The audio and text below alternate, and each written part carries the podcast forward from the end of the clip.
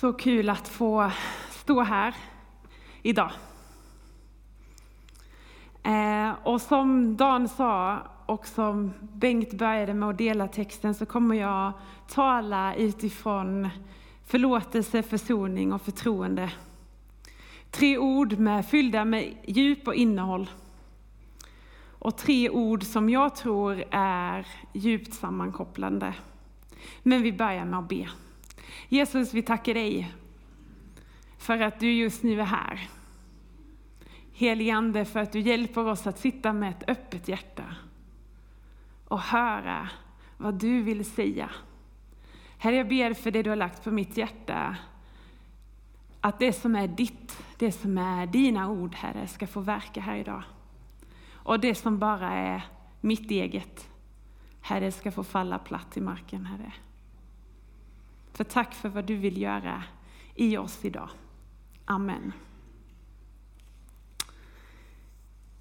Bengt började med att läsa om den obarmhärtige tjänaren i Matteus 18. Den texten handlar ju om att eh, tjänaren får, att Herren efterskänker 10 000 talenter. Det var liksom det största talet man kände till i den tiden. Så, när, eh, så de som satt och lyssnade på Jesus, de fattade ju hur otroligt stor den här summan var. Vet ni, varje talent vägde 35 kilo silver. 10 000, det blir 350 ton silver värt en miljö, en miljard i dagens siffror. Det är otroligt mycket som den här tjänaren får efterskänkt. Så när han sen ser sin medtjänare som är skyldig honom hundra denarer så kan man ju tro att han som fick så mycket förlåtet ska förlåta det lilla. Men det gör han inte, utan han tar tag och nästan stryper honom, släpar med honom till fängelset. Men det är andra som ser och berättar för hans herre att han inte kunde förlåta. Och hans herre överlämnar honom till torterarna tills han har betalat. Och så i de avslutande verserna så säger Jesus så här. Precis så ska min himmelske fader göra med er, om ni inte var och en av hjärtat förlåter er broder. Det är ju ganska hårt.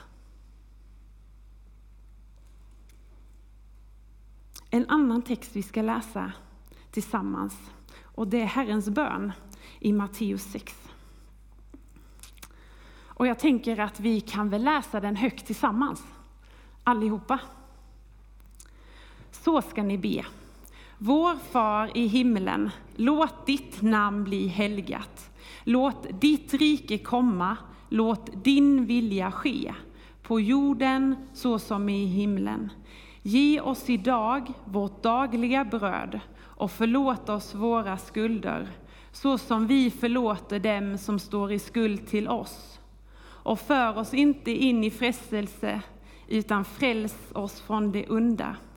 För om ni förlåter människorna deras överträdelser ska er himmelske far också förlåta er.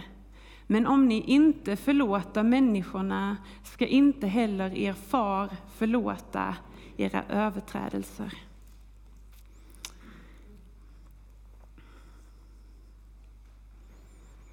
Det är rätt raka ord. Det är liksom någonting att studsa mot, någonting att ta spjärn emot. För jag fattar ju de här orden. Jag förstår dem. Jesus är väldigt klar här, från att ha talat i liknelser, så är han ju väldigt klar med att vi ska förlåta och att det är ett ska.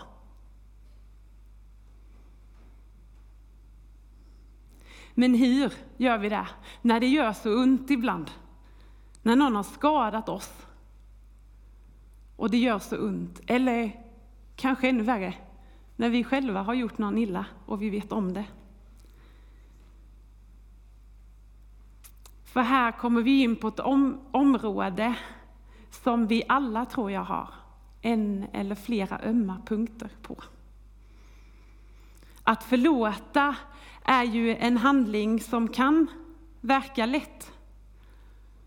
Och den kan vara det i vissa omständigheter, men den kan vara också otroligt svårt.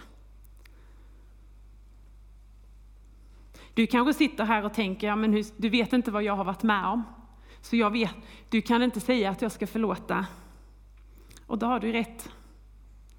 Du kanske sitter här och tror att jag menar att Gud säger till dig att du ska förneka det som har hänt.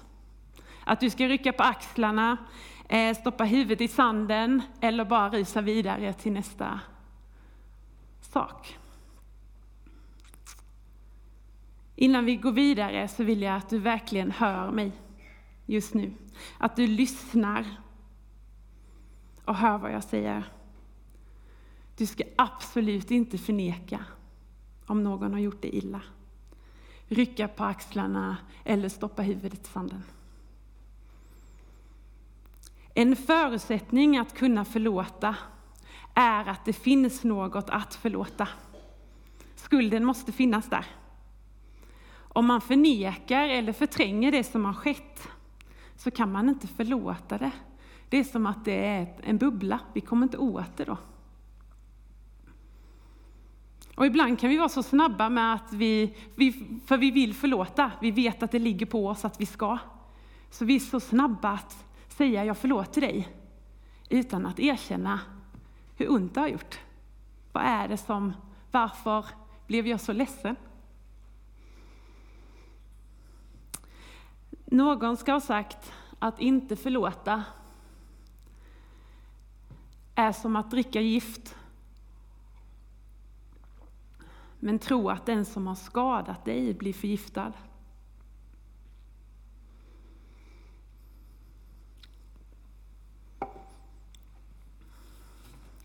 Mitt vittnesbörd om att just förlåta, det var jag, jag har ju sagt det innan, jag kom till tro när jag var 25.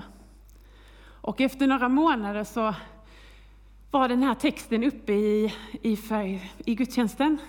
Och sen hade vi den i hemgruppen. Och jag insåg när jag läste den här att jag hatade så mycket. Att jag trots att jag hade mött Jesus och verkligen att han såg mig och att han älskade mig trots det jag hade varit med om. Jag hade ju gått i terapi tidigare i livet på grund av mina upplevelser. Bearbetat saker, placerat dem i fack, tänkt rationellt och logiskt om saker och ting. Men jag hade gjort det med ett avstängt hjärta. När jag var mellan 8 och 12 år så blev jag utsatt för sexuella övergrepp. Dessa övergrepp påverkade varje val jag gjorde efter det. Jag berättade inget för mamma, för risken fanns att han kanske skulle skada henne. Jag berättade inte heller för någon annan. Tryggheten var borta och jag gjorde otroligt dumma saker i min tonår, färgade av vad jag hade varit med om. Jag utsatte mig för onödiga risker med grabbar. För jag var ju ändå skadat Guds. Inget värde. Jag mötte ju Jesus 13 år efter att övergreppen hade slutat. Och insåg att han älskade mig. Han gav mig trygghet på ett sätt som jag inte hade upplevt innan. Men jag drack fortfarande gift. Jag ville fortfarande att han som hade gjort det mot mig skulle lida. Och hela världen, samhället, sa till mig att du får hata. Du behöver inte förlåta, det går inte att förlåta det du har varit med om. Bara hata. För det är det samhället idag säger. Men jag vill säga att det går att förlåta. All smärta av, och påminnelse av övergreppen om andra smärtsamma saker som jag själv valde att göra på grund av dem. Ilska över att det var inte så här det skulle vara. Om Gud, Gud är ju god, varför hände då detta mig? Och kanske sitter du just nu och tänker detsamma. Kan vara andra, behöver inte vara övergrepp. Kan vara andra händelser. Jag behövde inse att när jag förlåter så är det inte att säga att det som hände mig var rätt. Mitt förlåt är inte ett godkännande för vad jag har varit utsatt för. Jag behövde inse att förlåta gör man endast när man vet att någon har gjort något fel mot en.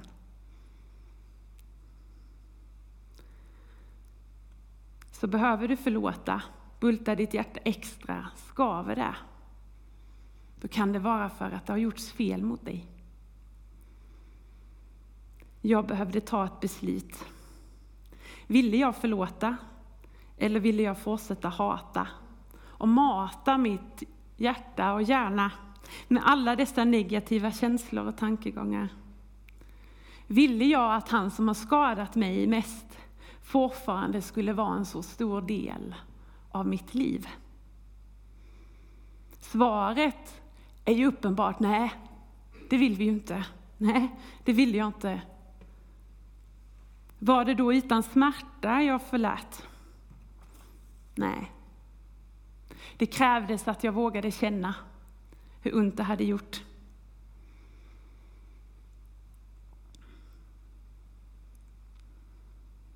Att jag satte ord på det. Att jag uttryckte min ilska och sorg. Att jag fick säga till Gud att jag vill förlåta, men jag vet inte hur. Att jag inte fixade det själv. Men jag fick säga att jag inte längre ville hata. Att jag ville bli hel. Gud förlät dig och mig, förlät mänskligheten, för att han älskar oss så mycket.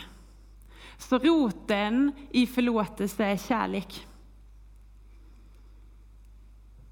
Tänk, Jesus dog för dig och mig. Han som var utan synd. Han som inte hade gjort ett endaste fel. Han tog vår synd för att vi skulle stå fria. Och han gjorde det långt innan vi bekände honom som Herre. Innan vi sa vårt ja till honom. Men när du och jag förlåter så innebär det ett, att vi släpper behovet av att ge igen, att hämnas. Vi släpper två, vi släpper önskan att den som har gjort dig illa ska lida, betala eller må dåligt. Tre, vi släpper kravet på att personen som har gjort dig illa ska ställa allt till rätta. Att förlåta bryter den kedjan som hugger av länken mellan dig och det smärtsamma du har varit med om. Den befriar dig och gör att du kan leva här och nu. Och gå vidare utan att vara bunden av det som har varit. Jag behövde också erövra ordet förlåt. Inte leta syndabockar. Om bara inte alla andra hade gjort. Om bara den inte hade sagt så eller gjort så. Utan äga, stå för det man har sagt eller gjort. Om personen då inte vill ge dig förlåtelse så står det i Romarbrevet 1 och 8. Nu blir det alltså inte ingen fällande dom för den som tillhör Jesus Kristus. Ty den andliga lag som gäller för livet i Kristus Jesus har gjort mig fri från synden och dödens lag. För ibland kanske det är så att vi försöker göra rätt och så vill inte personen ta emot en förlåtelse. Vi kan bara göra det som ligger an på oss. För jag vill idag påstå att du kan förlåta det någon har gjort mot dig. Därför att förlåtelse kräver bara en person. Och det är du. Förlåtelse är ett viljebeslut och inte ett känslobeslut. Du kan förlåta oavsett om den som gjort dig illa bryr sig eller inte. Den personen behöver inte vara närvarande och han eller hon kan till och med vara död sedan länge. Beslutet att förlåta ligger hos dig och mig. För det handlar ju om, om du och jag vill att Jesus ska få göra det han kom för att göra. Eller om han ska få stå där med tomma händer. För han kom ju för att bära våra bördor. Eller hur? Varför släpar vi då själv på dem? När det är inte det han har bett oss att göra.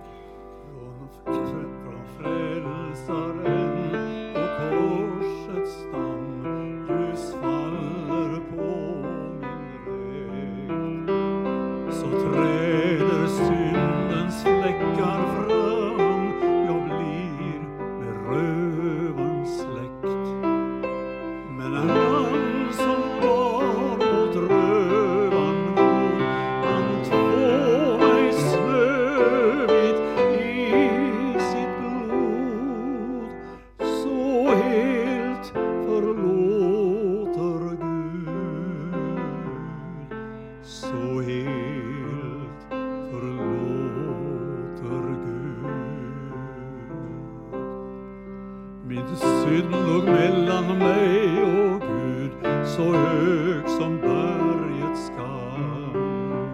Den hindrade mitt böneljud att nå till Herren fram. Då kastar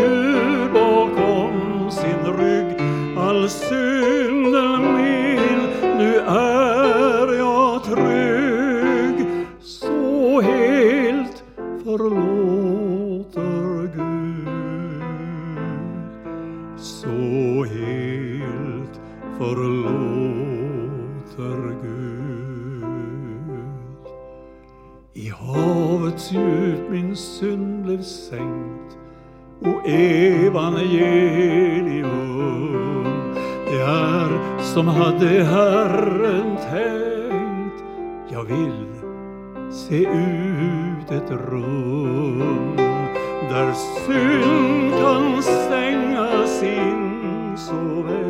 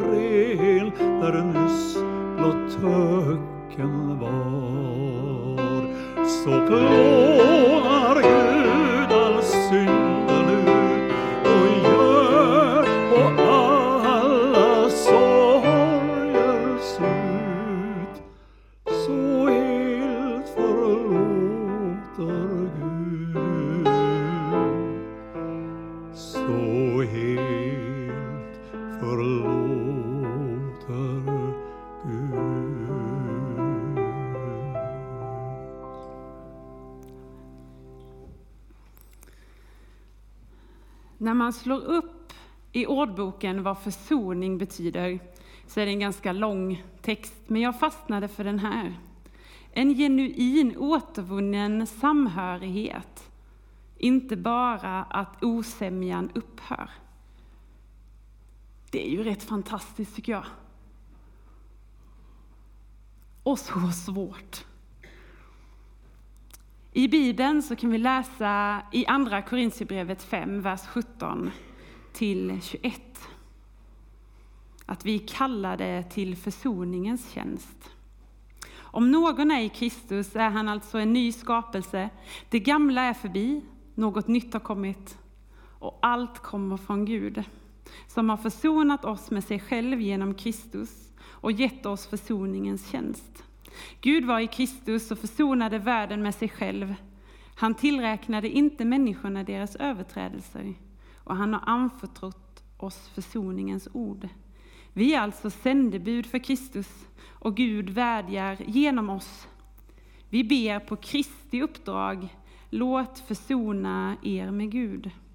Han som inte visste vad av synd, honom gjorde Gud till synd i vårt ställe, för att vi i honom skulle bli rättfärdiga inför Gud.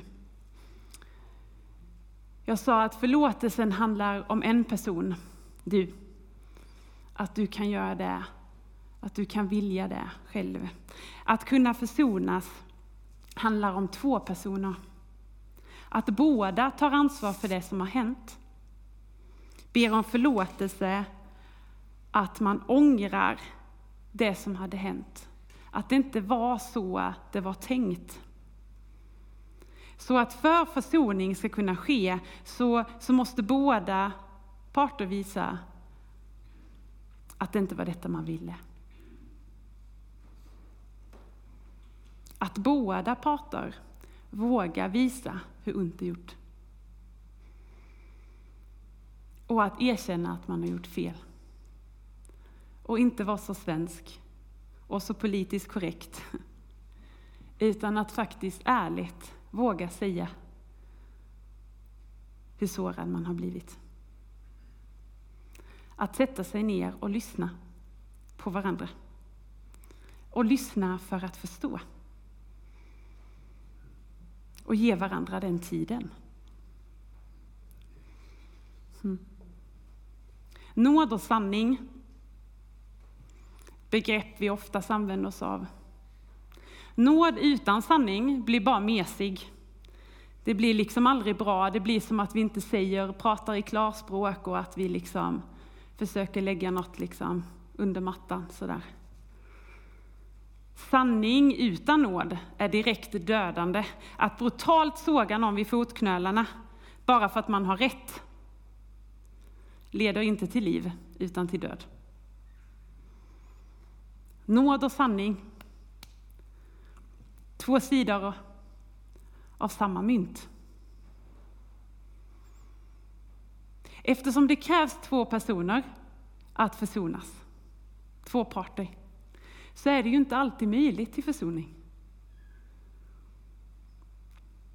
För om den ena parten inte vill, det kan finnas massa olika anledningar till att man inte vill. Så kan vi inte, då, kommer, då tar det stopp. I Romarbrevet 12, 18 så står det Håll fred med alla människor så långt det är möjligt och kom an på er. Vi behöver absolut söka försoning. Men det finns också en gräns när det inte går längre. Du kan göra det som ligger an på dig. Men vi behöver också förstå vad oförsoning och oförlåtelse kan leda till.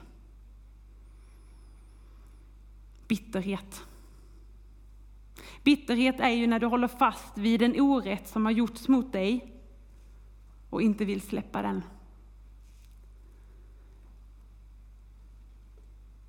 Och om man gör det så finns det en jättestor risk att bitterheten sprider sig till alla områden i ens liv. Och bitterhet gör att du drar dig undan nära relationer. Du skyddar ditt hjärta. Det är höga myrar. Och du försvarar dig med att du har blivit sårad och du har rätt att bete dig så. Men det kommer att förgifta på livets alla områden.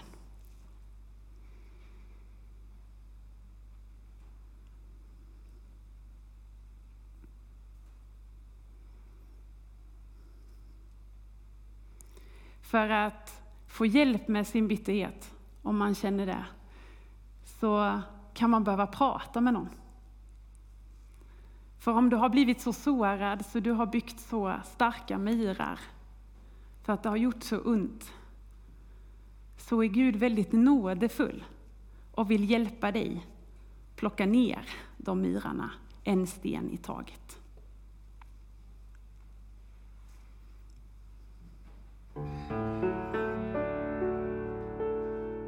Nu är jag fri, så bunden jag var innan jag mötte Jesus.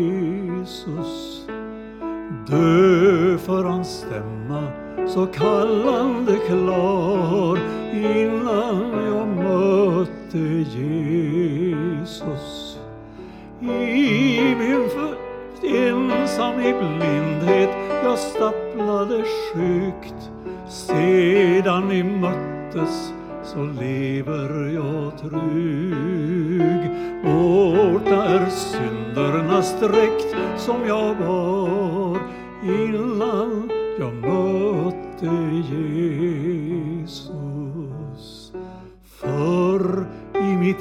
Första innersta ångesten brann innan jag mötte Jesus. Sökande friden som aldrig jag fann innan jag mötte Jesus. I min förtvivlan jag lät honom in. Nu har jag frid mitt och friden är min. Oh, jag är tacksam att frälsning jag vann. Tacksam att jag mötte Jesus.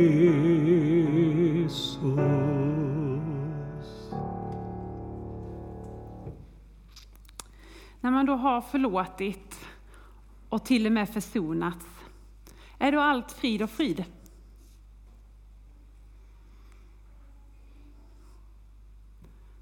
Någon som har en respons på det?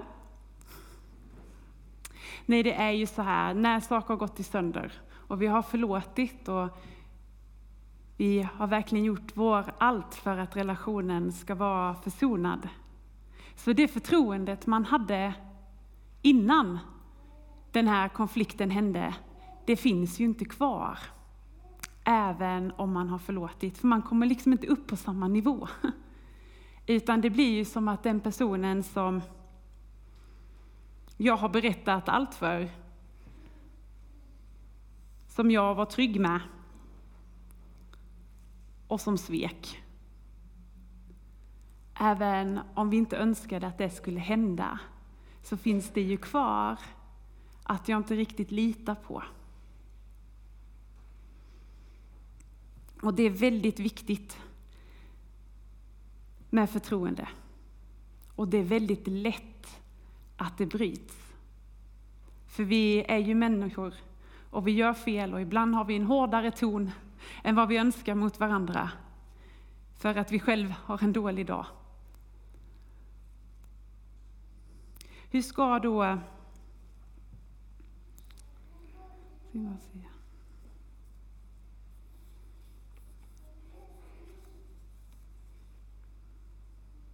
Hur ska då förtroendet växa igen?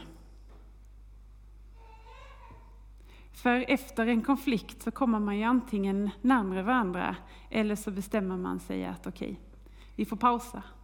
Vi får liksom skapa nya relationer. Men det är otroligt viktigt det här att man ger sig själv lite space att bygga upp relationen igen. Att ge varandra förtroende på nytt. För att annars så blir det ju att om jag har förlåtit och så har jag försonats med dig Bengt, jag tar dig som exempel. Och sen möts vi vid kyrkfikat eller vi möts på planeringsdag veckan efter. Och så uh, känns det inte riktigt bra. Och så kan man liksom börja ifrågasätta att men jag kanske inte hade förlåtit. Hade vi inte pratat klart om saker och ting? Jo, men det kan vara att förtroendet behöver byggas upp igen. Vi behöver liksom ge varandra den möjligheten att visa för varandra att du vet, jag menade ju inte det där jag sa. Och jag försöker visa dig att det inte ska hända igen. Och då kan förtroendet växa upp igen. För det är lätt att dra sig undan när saker har hänt. För vårt, allt vi har är ett förtroendekapital till varandra. Hur mycket litar jag på dig? Hur mycket litar du på mig? Och det kan vi bara visa varandra. Och särskilt om vi har sårat varandra, för då väger våra ord väldigt lätt. Vi har liksom förlorat tyngden i dem. Och så får vi visa varandra att vi älskar varandra. För det är så världen ska se.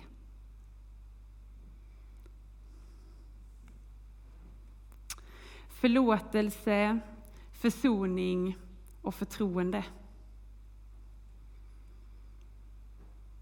Den här krukan visar ju hur det kan se ut när det är trasigt.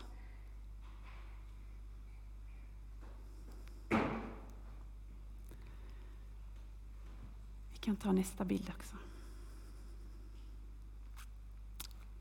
Det här är ett japanskt typ av hantverk. För de anser att historien i saker är bättre än det nya. Så när saker går sönder så fogas det tillsammans med guld. Det är i vår svaghet som vi ska vara starka. För mig är det här en bild av förlåtelse, försoning och förtroende. Att Gud hjälper oss att foga samman och att han hjälper oss att skina genom det vi har varit med om. Och genom att vi faktiskt inte lägger locket på, utan att vi lyfter det, vi tar ansvar för det. Om du sitter här och är sårad, gå inte hem med det. Ta tag i någon du har förtroende för och be. För Jesus kom för att bära det, inte du och jag.